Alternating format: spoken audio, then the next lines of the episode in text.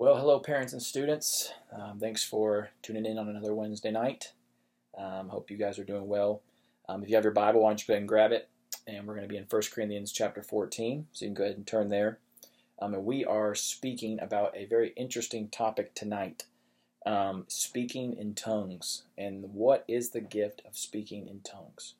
Uh, we're still in chapter 14, which we began last week in 1 Corinthians, and we're just walking through the book. So I got no agenda here. Um, I didn't I didn't go out of my way to pick tongues um, as if I got some beef with it that we got to take up. We're just in the Bible. So the Bible talks about it, so we will talk about it. Um, and so there are so many uh, issues and questions that surround this issue of speaking in tongues, this spiritual gift. Um, things like what does the Bible mean when it refers to tongues or the gift of tongues? Does this spiritual gifts still remain in the church today, or did it stop existing maybe with the apostles or with the early church? Um, what does it look like then? If it still exists, what does it look like in the church today? Um, all of these kinds of questions swirl about. Maybe you're in middle school and you're like, I've never even heard of the phrase speaking in tongues. What are you even talking about? Well, good news. Hopefully, you'll uh, learn a lot from this message. Um, so let's pray as we begin, and let's ask the Lord for help and guidance as we open His Word. Let's pray. Father, thank you for uh, teenagers and parents and whoever else may be listening, um, for their attentiveness to even turn this on. I pray that you would speak to our lives through your Word. God, a topic that we may be unfamiliar with or confused about. God, give us light. Psalm 119 says, The unfolding of your word gives light. So give us light as your word is unfolded. In Jesus' name, amen. There's a lot of abuse in churches um, as it pertains to the gift of speaking in tongues. Um, this issue has divided denominations, it's even divided the way people worship. Um, so, as we embark on this discussion, I want to be clear up front. If you have come from a background or have experience with a church that claimed to speak in tongues, or if one of your family members or friends um, claims or has claimed to have spoken in tongues, um, I am not trying to stir the pot on anything. Um, I'm just trying to be faithful with where we are in the Bible and to the integrity of Scripture and just trying to figure out what this thing means and untie this knot for us in the church today.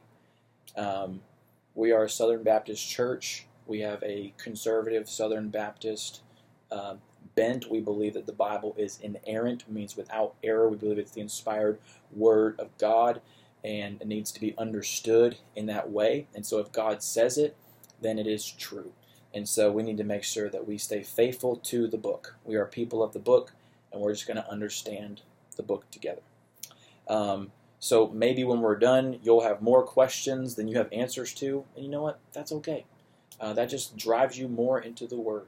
Um, and if you have questions, you can always come and ask later on, or ask uh, one of your parents, and you can discuss it. Maybe it's a fun dinner table topic after we're done uh, tonight about what it means to speak in tongues. So as we go throughout, I want you to know that it's okay if you find yourself disagreeing with me um, or disagreeing with some of the arguments that we make here, um, to some level, it's okay to disagree um, and still be Christians because there is a level where if we disagreed at a certain point about tongues, like some um, churches will, um, then it actually gets into issues about salvation, and uh, that would be a very um, that would be a cl- very clear defining mark on where we could stand uh, together or not together as far as how one is uh, saved or not. So, but within certain conservative uh, churches that believe that salvation is by grace alone, through faith in Jesus alone,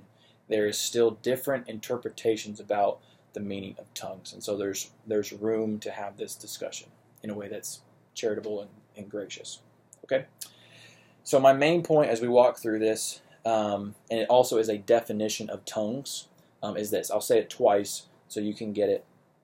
It is this tongues is a spiritual gift for building up the local church by allowing believers of multiple languages to understand one another and worship Jesus together. That was a mouthful. I'm going to say one more time. Tongues is a spiritual gift for building up the local church by allowing believers of multiple languages to understand one another and worship Jesus together. Okay, so let's dive in as we begin our first point. Let's dive in to chapter 14. We're going to read verses 1 to 11. It says this Pursue love and earnestly desire the spiritual gifts, especially that you may prophesy. For one who speaks in a tongue, it might be helpful if you circle every time you see the word tongue or tongues. For the one who speaks in a tongue speaks not to men but to God, for no one understands him, but he utters mysteries in the Spirit. On the other hand, the one who prophesies speaks to people for their upbuilding, their encouragement, and consolation. The one who speaks in a tongue builds up himself, but the one who prophesies builds up the church. Now I want you all to speak in tongues, but even more to prophesy. The one who prophesies is greater than the one who speaks in tongues, unless someone interprets so that the church may be built up. Now, brothers, if I come to you speaking in tongues, how will I benefit you unless I bring you some revelation or knowledge or prophecy or teaching? If even lifeless instruments such as a flute or harp do not give dis- distinct notes, how will anyone know what is played? And if the bugle gives an indistinct sound, who will get ready for battle?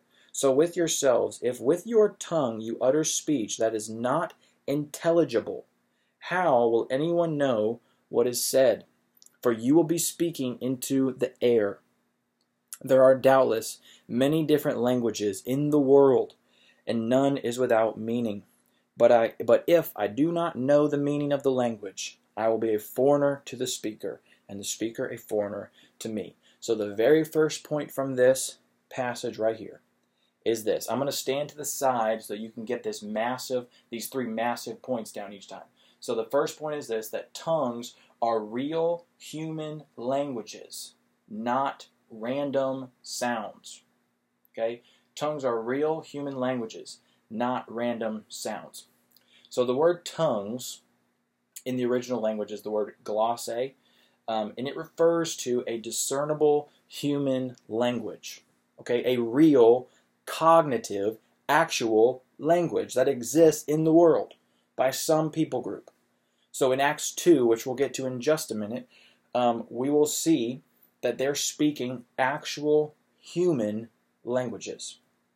Now, many scholars in um, in our churches today and in the evangelical world, right, the Christian world, they believe that this reference to tongues in verse 2, the one who speaks in a tongue speaks not to men but to God, uh, that it refers to an ecstatic utterance, is what they call it. An ecstatic utterance, meaning um, like meaningless babbling, random sounds. Like trying to say the word lollipop backwards. Okay, once you get done trying that a couple of times, right there in your home, um, think about the fact that that is not really likely the case given what we just read and given the rest of the Bible that we will talk about.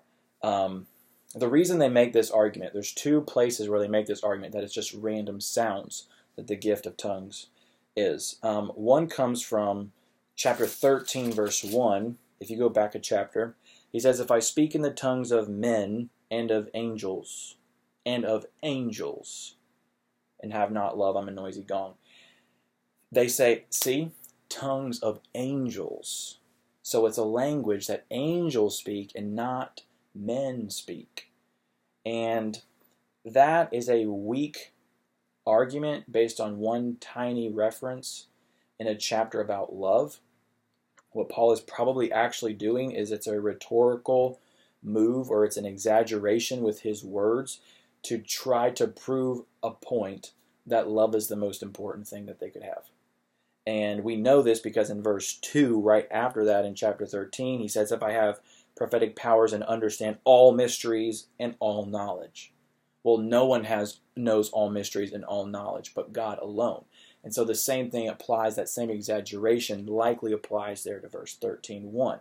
So it's not a very strong argument to just build an entire biblical doctrine that it's just random sounds, which many, many churches do believe. And then verses 14 2, another place they get the argument is in the verses we just read. In verse 2, he says, The one speaks in a tongue speaks not to men, but to God. No one understands him, but he utters mysteries in the Spirit. So they say, See, mysteries in the Spirit. Only a language that this person in the Spirit knows, right? No one else knows. So it must be just these random sounds that we're communicating in some sort of prayer language between us and God in worship.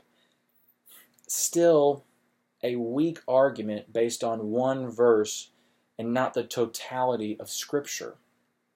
Always be careful about people that build or churches that build an entire system on one tiny verse, um, build an entire doctrine on one tiny verse, um, and not a totality of the Bible, right? And not a biblical theology of a particular doctrine. Okay, and so that's what they do here. And they, what is actually happening here, the reason that's not a good argument is because what's actually happening here is that within the context of the local church in Corinth, um, unlike Acts at Pentecost, which we'll see in just a second, in this church, there is primarily one language being spoken. And that particular language um, isn't, that particular language that the speaker is speaking or praying is different than the rest of the body, and no one is there to understand him. No one is there that can translate for this brother or sister praying so that the rest of the church can hear and say amen to what he's saying or saying praise God for what he's saying. Right? So when he says no one understands him, he's not saying he's speaking a language that no one in the world knows. He's saying no one in the church knows what he's saying. So it's a mystery to them. And so it is just between his spirit and God. Okay? So, not a very strong argument based on what we're about to see from the totality of the Bible. All right? The idea of random sounds or babbling that someone um, someone else can't understand but you and God is a view held within Pentecostal churches and, and many charismatic churches, churches that really seek out an emphasis on the sensations of the spiritual gifts, um, specifically a, a sensation of prophecy, healing, miracles, um, and tongues. They seek after a sensation rather than um, building up the church with the gospel. And that happens predominantly in Pentecostal circles. And we just need to be really mindful of that. Okay? and to understand what biblical tongues actually looks like. So, to understand then the biblical argument for why we say real languages, not random sounds, we need to uh, get a good biblical view of the language or the tongue, of languages or tongues. And to understand tongues, we need to understand what is happening at the Tower of Babel. So go with me to Genesis 11. Genesis 11.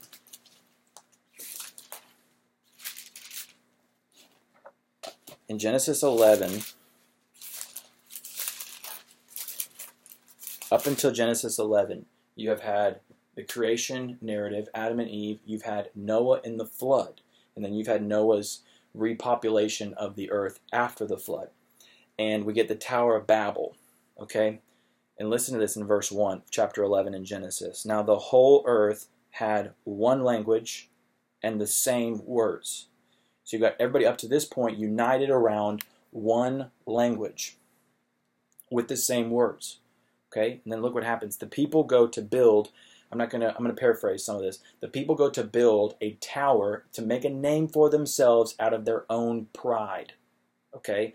They're motivated by pride to build this structure to show how great they are. And then in verse 7, the triune God says, Come, let us us, very interesting, let us go down and there confuse their language, so that they may not understand one another's speech. So the Lord dispersed them all over the face of the earth, and they left off building the city. Therefore it was called Babel, because there the Lord confused the language of all the earth. This is the very first time and instance that we see the development of multiple languages, and it happens as a result of man's sin. God confusing their language while they were building was because of their pride as they tried to make a name for themselves and not make a name for God. Can you imagine building a building? Imagine you're building a building, you're all working together, you all have the same language. You know, and you're like, Johnny, pass the bricks. And then he is like, What did you say? And then he starts speaking back to you in Arabic. And now you're you're not communicating anymore. And all of a sudden there's hundreds of people speaking different languages. No one knows what has happened. The building project cannot go on because no one can communicate. And this was an act of God to um, judge them in their sin. So, right here in Genesis 11, language is divided in judgment because God is against people right here because of their sin. And God is against us when we are dead in our sin and not in Christ. And that is happening right here. Okay? So now, remember that. So now go all with me. Let's fast forward to Acts chapter 2. Acts chapter 2, we will see the event at Pentecost. Okay? Acts chapter 2, verse 1. When the day of Pentecost arrived, they were all together in one place, and suddenly there came from heaven a sound like a mighty rushing wind, and it filled the entire house where they were sitting. And divided tongues as of fire appeared to them and rested on each one of them. And they were filled with the Holy Spirit and began to speak in other tongues as the Spirit gave them utterance. Okay, so you see tongues very uh, initially being given to the people of God. Okay? So Jesus has already died, risen, and ascended into heaven. Now his believers are, are given the Holy Spirit. And they're manifested in speaking in tongues. But what are these tongues? Let's keep reading. Now they were dwelling in Jerusalem, Jews, devout men from every nation under heaven. And this and at this sound the multitude came together, and they were bewildered, because each one was hearing them speak in his own language. His own language. Verse 8. And how is it that we hear each one in his own native language? Verse 9 and 10 lists uh, several different nations there. Verse 11, we hear them telling in our own tongues the mighty works of God. Three times we see tongues when it is given because of the Holy Spirit. It is people speaking real human languages. So what is happening here is at this um, at this giving of the Holy Spirit, the people, the, the church, the Christians began to speak miraculously in other languages they had not previously known before, but they were real languages. And they're speaking these, and people that speak that language are hearing them in their own language. So you got, imagine you're a Jewish speaker, okay, and you are speaking now miraculously in like Arabic, okay, and an Arabic speaker can understand you. Or you're a, a Greek speaker and you are speaking now in um, Chinese. You know, let's just come up with any other country, right? You're speaking in Chinese, and the Chinese man can hear you, right? So that is what is happening here at the gift of tongues, at the giving of tongues when it is first given, when the Holy Spirit comes on the people. And here, so just as in Genesis, language is divided in judgment, here, language is united by the Spirit. Language is united by the Spirit. See, this is the reversal of Babel. This is the redemption of Babel right? This is the miraculous ability to speak real human languages that they didn't know previously, so that they're understood by those who speak those languages, so that the believers from every nation can be unified around Jesus. This is to help the church spread. This is to help the church get started, right? So that believers from every nation and tribe and tongue can begin to worship together.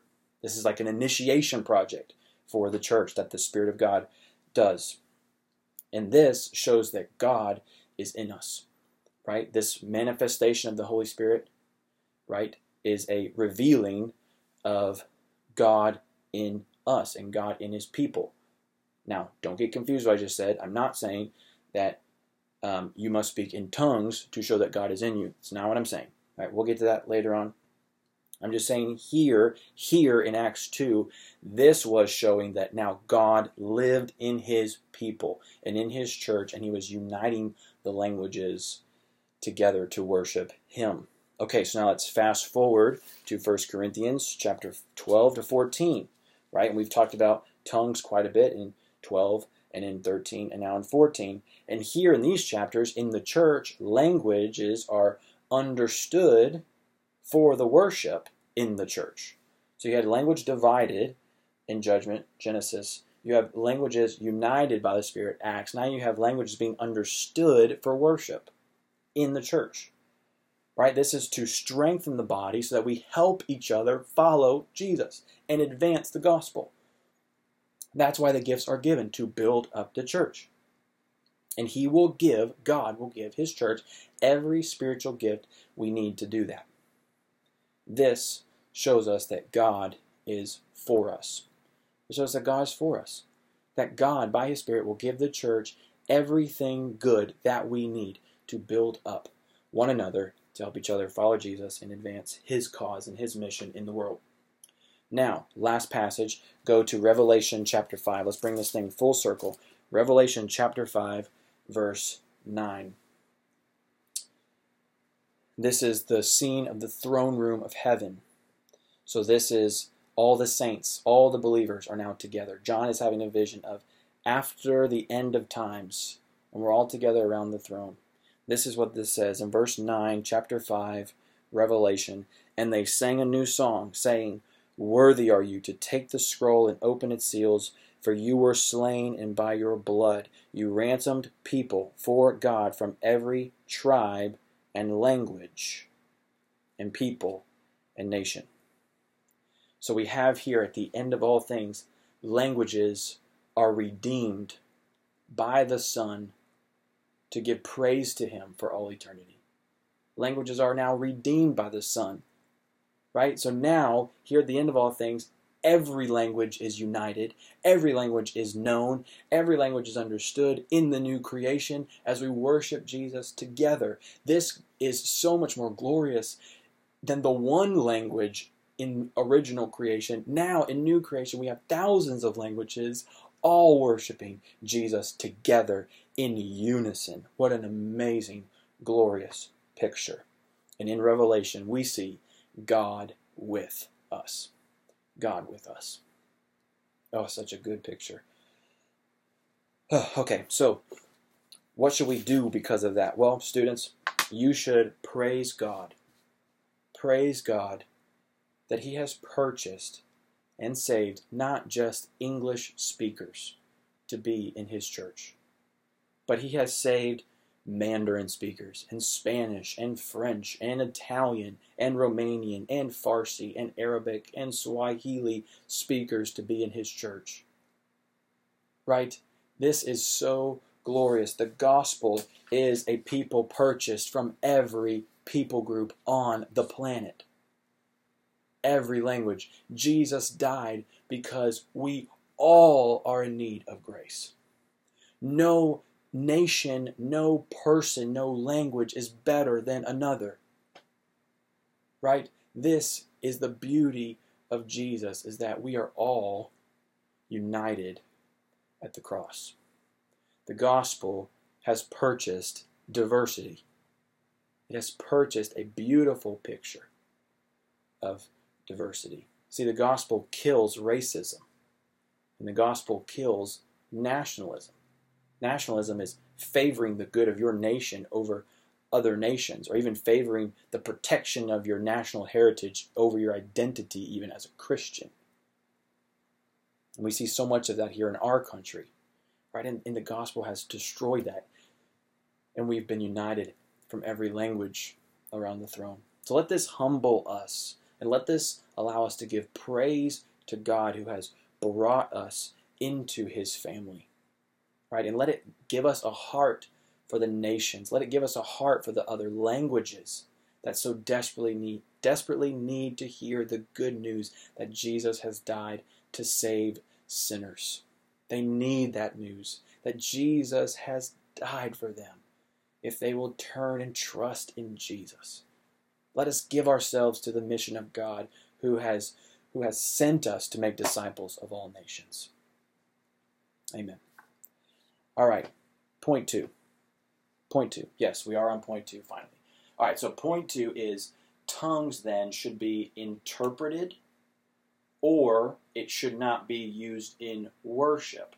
Okay, so tongues should be interpreted or it should not be used in worship. So I want to show you a couple of places then where um, interpretation is shown. So in verse 5, in verse 5, you see um, that unless someone interprets, it says, then the one who speaks is not as great as, I mean, the one who speaks in tongues is not as great as the one who prophesies, unless someone interprets, so that the church may be built up. Okay, so then let's read, I want us to read 13 and 19. Therefore, one who speaks in a tongue should pray that he may interpret. There it is again. For if I pray in a tongue, my spirit prays, but my mind is unfruitful. What am I to do? I will pray with my spirit, but I will pray with my mind also. I will sing praise of my spirit, but I will sing praise of my mind also. Otherwise, if you give thanks with your spirit, how can anyone in the position of an outsider say amen to your thanksgiving when he does not know what you are saying? For you may be giving thanks well enough, but the other person is not being built up. I thank God that I speak in tongues more than all of you. Uh, nevertheless, in church, I would rather speak five words with my mind in order to instruct others than 10,000 words in a tongue. There's this phrase um, going on in this section uh, praying with my spirit and praying with my mind. Um, when Paul uses the phrase with my mind, he's saying um, with words that are intelligible or comprehensible to others, right? Rather than just with my spirit, which is between my heart and God. Okay, so when he's saying um, whatever I'm praying between my heart and God needs to be also discernible um, to others when it comes out of my mouth. Okay, um, and that's why he says in verse 19 in church, I would rather speak five words with my mind, that is, five words that everyone can understand, than 10,000 words in a tongue that no one else can understand. Okay, so that's what's happening here. So, and the reason this is so important is because, like in verse 16, he says, if I give thanks with my spirit, how can anyone in a position of an outsider say amen to my thanksgiving unless they know what I am saying, right? Um, because they're not being built up. And so his issue is that people aren't being built up because people don't know what you're saying. The purpose is for people to know what you're saying. So we need a translator up in here.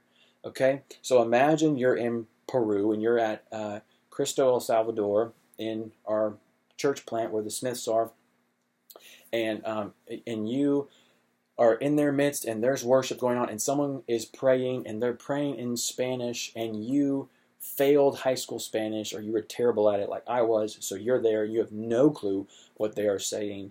All right, unless there is a translator there so that when the translator finally translates it into English, you are able to now say, "Oh, yes, he said, you know, praise the Lord for uh, the message today. Yes, amen. I loved the message, right? But before that, you had no idea what he was praying.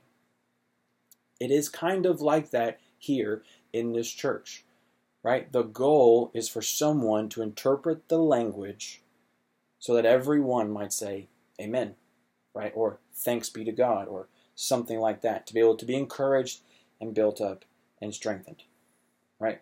So now, I don't, I don't want us to. I, I think a question that might ar- arise is, well, then, is the gift of tongues merely just the gift of knowing multiple languages, like being bilingual or knowing three, four, five languages?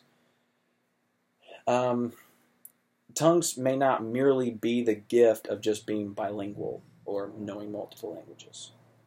Um, it could be that, but it seems biblically to be more than that because Acts 2 shows us the miraculous um, giving of the languages for the building up of the church, like we saw earlier. um, to speak those languages when they didn't study them before, right? So, but we think, well, now does the does the church um, built? Or is the church now being built up by tongues uh, because people know different languages and can interpret different languages? Um, that's a really good discussion, and it's one I don't really have uh, uh, sufficient answers for based on the Bible. Okay, what it if it's merely just knowing the languages now, or if it's the miraculous giving of the languages in the moment, in the time, in the way that the Spirit wants to do.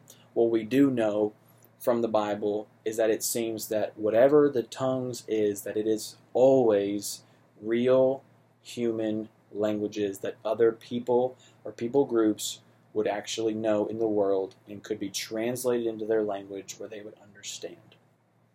That's what we do know. Okay, and uh, we can be we can leave the rest up to God and be okay with that. All right. Um, the reason we need the interpreter is so that there's not mass chaos in the church. Um, when I was growing up and would go to Starkville, Mississippi for my family reunion every summer, we would go to um, my relative's church, which was a Church of God. It was just Starkville Church of God.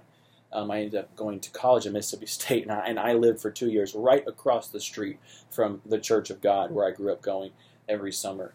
Um, and um, it, it, was really, really interesting because when I was a kid, we would go in there, and um, you know, sweet people in that church. Um, I really do believe that they love the Lord, and uh, were seeking to be faithful. But we would be in there from like ten we was maybe the worship service like start at 10 let's say we would be in there for like two three hours and it would be most of the service would be filled with um, people standing um, speaking in all kinds of sounds that no one understood it sounded like gibberish and no one is trying to interpret not an interpreter for miles and you got many people standing there speaking over each other. It just sounds like mass chaos, and no one is being built up. We're all sitting there in our seats, and we're all little conservative Southern Baptists going like, "What is going on up in here?" And um, it, it, was just it, there was the gospel was not being presented. Jesus is not being magnified. It was just all a sensation. Um, it happened worse some years more than others. It didn't do that every single year. But I do remember that. And that is an example of what Paul is trying to avoid here. He does not want the chaos. He wants everything to be done for the building up, like verse 26. When you come together, each one has a hymn, a lesson, a tongue, an interpretation. Let all things be done for building up. If any of you speak in a tongue, let there be only two, at most three, and each in turn, and let someone interpret. If there's no one to interpret, let each of them keep silent in the church or speak to himself and to God. So clearly, there needs to be an interpreter so that other people can be built up. We need to do this thing with order, and we need to take our turns speaking and then interpreting so that we can all say, Amen, glory to God, and the, the church is strengthened. Otherwise, verse 23 happens. Look at verse 23. If therefore the whole church comes together and all speak in tongues and outsiders or unbelievers enter, will they not say that you are out of your minds? If an unbeliever enters a place like I was in when I was a kid, they will say, Are you out of your minds? They'll be so confused at what is going on because there's no one being built up. The gospel is not being proclaimed or preached. Um, and no one's being edified by what is being said. It just looks like mass chaos, um, people searching after a sensation. Imagine you had the gift of playing a cymbal. All right, so the gift of playing a cymbal, as if there was such a thing. So I, I don't know if you remember me saying I played cymbals when I was in ninth grade. Um, I'm not embarrassed by that. Okay, I played cymbals in ninth grade. I wasn't good enough for a drum on the drum line, so I played cymbals. But imagine I went to the worship service where Pastor Trevor was leading the the praise band and the musicians, and I was like, Pastor Pastor Trevor, you know what this you know what this uh, song needs right here in the middle of how great uh, Thou Art is just a really sweet, clanging cymbal solo. And can you imagine in a worship service, we're all singing, you know, then sings my soul, um, and we're singing how great is our God, and I'm sitting there and I'm just crashing those cymbals, right? And it is just the worst sound imaginable. and that is kind of what the church here is doing. They think that they are more spiritual, more holy, because they've got this incredible gift of tongues that they really want to use in the church. And it's just creating this just horrible disturbance, like 13.1 says, a clanging cymbal. It's not loving. No one is being built up, right? You're just trying to show off your gift, and it's destroying the worship and the, destroying the proclamation of the gospel. So, all that to say, be on the lookout.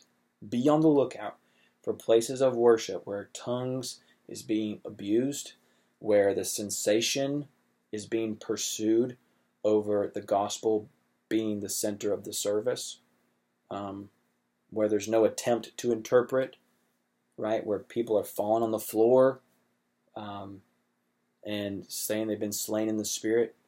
Don't don't be fooled by this sensation. Okay? Don't be fooled by this sensation. The gospel is not proclaimed in that. Jesus is not glorified in that. I really don't believe that he is glorified in that because John 16 14 says that the Spirit will always glorify Jesus. It is the Spirit's job description to glorify Jesus. So if the gift, if your gift is not being used, whatever the gift is, doesn't be tongues, if it's not being used to magnify Jesus, who died for sinners, if it's not being used to magnify him, then that is not a manifestation of the Spirit of God. Right? So we're not after sensations, we're after building up the church, which is what verse 12 says. So you yourself, since you are eager for manifestations of the Spirit. Strive to excel in building up the church. You want to find a church where the Spirit is present? Don't go to the one where they're seeking out a sensation. Go to the place where everyone is building up the church with their gift. And in that place, the gospel is glorified. Okay, so now let's move on to point number three. So, point number three is tongues is given to some believers and not given to all believers. Tongues is given to some believers and not given to all believers. Okay, so we need to read verse 26 and then we need to read verse uh, 12, 30. Okay, so 26, ready, read it, but let all things be done for the building up. So he said, right, if any speak in a tongue, if any speak in a tongue, implying that there will be some that don't speak in a tongue, right? Then let there be two or three at most in turn and let someone interpret. All right, and then you go back to 1230. 1230, he says, he's making a list here of the gifts, and he says, Do all possess gifts of healing, and then do all speak in tongues? The answer is no. It's a rhetorical question to show we don't all speak in tongues, right? In the same chapter, in verse 11, he says all these gifts are empowered by one and the same Spirit who apportions to each one individually as he wills. So this this is important because the Spirit gives tongues, the gift of tongues, the real languages, the interpretation of those languages, as he wills for the building up of the church, uh, to whoever he wills, whenever he wills, and in whatever way he wills. Okay, and that's so important. This is important because there is a belief in the church that we touched on at the very beginning that tongues somehow um, is the manifestation, it is the manifestation that you are a Christian. And that's just simply not true because of these verses we just read. Okay, so a lot of these Pentecostal uh, denominations or charismatic traditions will say that the gift of tongues is the sign that shows you have the Holy Spirit. And if you don't have the Holy Spirit, you're not a Christian. Therefore, if you don't speak in tongues, you're not a Christian. That is what they say. That is heresy. So that is a massive, major point of disagreement, which we should, as Christians, disagree on. Okay, because we are saved not by anything we do, but by what Christ has done. Okay, so do not be confused by that. So it's really important to know all Christians are not going to possess the, the speaking of tongues. Okay, we just saw that here. Not all possess that gift. So that idea that they all possess that gift is washed away. It's built on a proof text of Acts 2 4 without reading the rest of these verses, right? Which just show that it's just simply not the case. The Spirit gives it to whoever He wills, how He wills, for His purposes. All right? So, um, this is really, really good because you may have a church where, and like, like our church, I think, a church where one predominant language is spoken. English in our case, right? Where there's not really a second language um, really primarily manifested in the church, okay, in any significant way.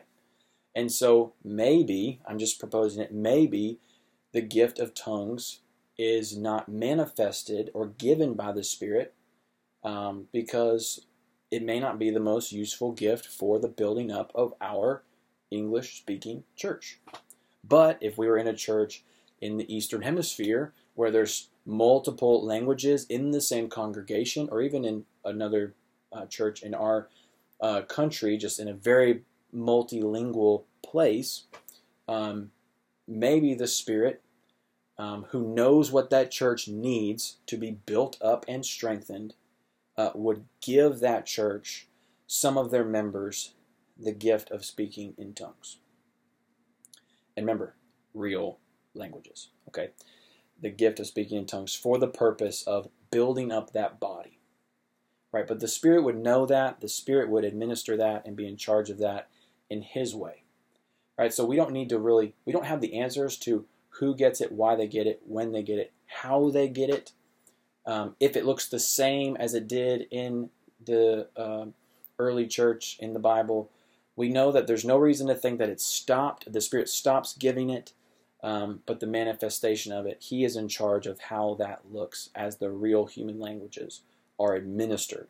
So again, that leaves a lot of questions looming, and that's okay, right? It's okay. We can only deal with what the Bible gives us, um, and that's okay. So um, I want us to consider all the gifts here for just a moment, right? Um, it is an amazing gift of God that He would give us spiritual gifts. Think about this. The Holy Spirit, the sovereign Holy Spirit, would give the local church everything that local church needs to be strengthened to worship Jesus. That's an amazing thing. God will never leave us without what we need, without the gifts we need to build up each other to worship. Right? And I, I just think that is spectacular.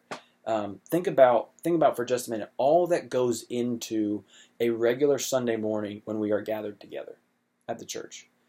Right? Think about all the gifts being administered to help you have the worship experience you have. So you have people working in the nursery, taking care of the little kids, my kids, right? So I can sit and listen to Pastor Monty um, peacefully, right? or you have babies being taken care of. You students help in the children's church, or you are in um, preschool, or you're greeting, or we have people ushering, right? We have um, uh, people leading in the praise band. We have people singing to lead us in worship. We have Pastor Monty teaching the message. We have connect groups teaching. Your connect group leaders teaching you the Word of God. You have people arriving early to the church to turn all the lights on, to unlock all the doors, to get the AC right for us, right? You have a cleaning crew throughout the week that's cleaning this place nonstop so that it's clean and healthy and safe for us to come. You have the safety team protecting us. On and on we could go here. Tons of gifts to help you worship Jesus. That is spectacular. And Jesus will give the church everything we need to do just that. I was reminded recently of of a pastor who I, who I love, uh, he said that your identity as a church member is not in what you do to serve the church. Your identity is not your spiritual gift. I do think this is an issue in the church. I do think it's easy to get a sense of our identity here as a church member is in what we do, it's in what we contribute. And we might even advertise it that way, right? Your primary value is to us at Swift Creek is not that you serve in children's church or work in the nursery or as a greeter or sing. That is not your primary value to us as, as a church. Your identity as a church member is that you are my brother or sister in Christ. That is your value to us as a church. We are family. We are the purchased children of God who bought us by the blood of his Son for the forgiveness of our sin. That is our identity. That's our value right? And I'm so glad that we are a part of this family and this is our identity, and it's not in what we do because we're all going to fail to use our gifts. But our identity as a church member never wavers. And our value as a church member never wavers. Not on based on what we have done, but based on what Christ has done for us. This is amazing.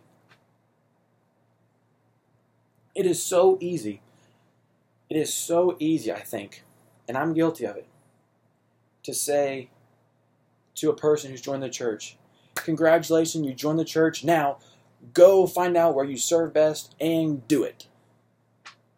And I want to be careful. I'm, I'm, I'm telling you, I want to be sensitive because I'm not underestimating the amazing reality that we are called to serve the church.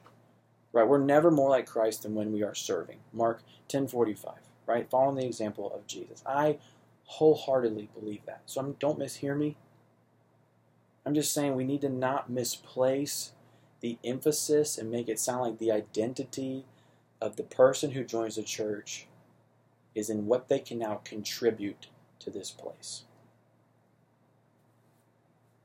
It's so easy to say, and I'm often, I have said it, I'm, I'm sure of it, and I'm guilty of it, to say that church is not a place to get, but it's a place to give.